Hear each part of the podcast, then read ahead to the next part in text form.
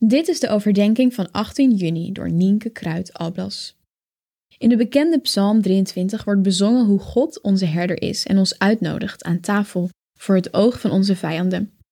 David zingt in het lied over hoe God hem leidt naar door de diepe dalen van zijn leven, naar groene weiden en kalme beekjes. Daarnaast sluit de psalmist af met het tot rust komen in Gods huis. Psalm 23 is geschreven in het midden van een heftige periode van Davids leven. Vandaag kijken we naar de betekenis van Psalm 23 en wat wij van David kunnen leren. Hoe kan het dat David toch zo zingt over de Heer? Hoe kan hij rustig aan tafel gaan zitten bij de Heer in het midden van de strijd? Waar haalt hij zoveel vertrouwen en rust vandaan? Psalm 23, vers 5 staat: U nodigt mij aan tafel voor het oog van de vijand. U zalft mijn hoofd met olie, mijn beker vloeit over. God nodigt ons uit aan tafel. Klinkt dit bekend? Jezus nodigt ook mensen uit aan tafel. Zo zit hij aan met zondaars, met zijn discipelen, met zijn verrader Judas. Hij neemt de tijd om een maaltijd te delen, in gesprek te gaan en even aandacht te geven.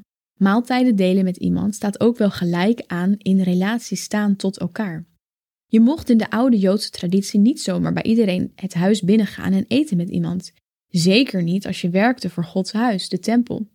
Het is dus heel wat als God tegen ons zegt dat Hij, ongeacht onze daden in het verleden, zondaars en de toekomst, denk aan Judas, met ons wil eten.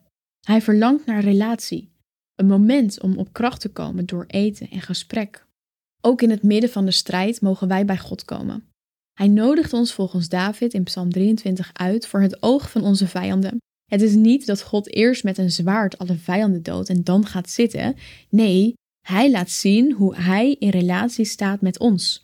De vijand kijkt toe en kan niets beginnen tegen onze connectie met de Heer. Zo ervaar ik dat ook vaak in mijn eigen leven. Wanneer ik God zoek in mijn strijd, nodigt Hij mij uit om de tijd te nemen en tot rust te komen bij Hem. Mijn situatie verandert niet, maar mijn kijk op de situatie wel. Ik ben dan namelijk niet meer gericht op mijn vijand, maar op met wie ik aan tafel zit. Ik richt me op God in plaats van op mijn problemen. Vervolgens word je aan die tafel van de Heer gezegend. In Psalm 23 worden we overgoten met olie, iets wat alleen gebeurde met koningen. Er wordt belofte en bescherming over ons uitgeroepen. Olie staat ook wel symbool voor de Heilige Geest. Hij is met ons en zegent ons. Zo overvloedig dat onze beker overstroomt. Zoveel genade is er.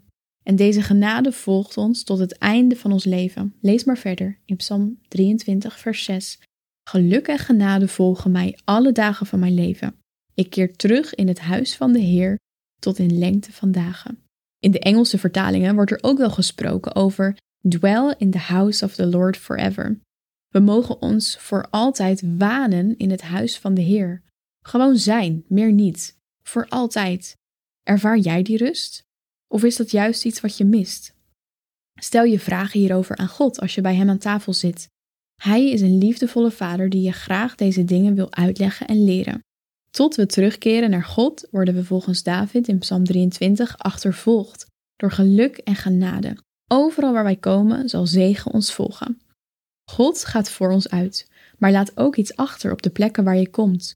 Of zoals in Genesis 12, vers 3 staat: Ik zal zegenen wie jou zegent.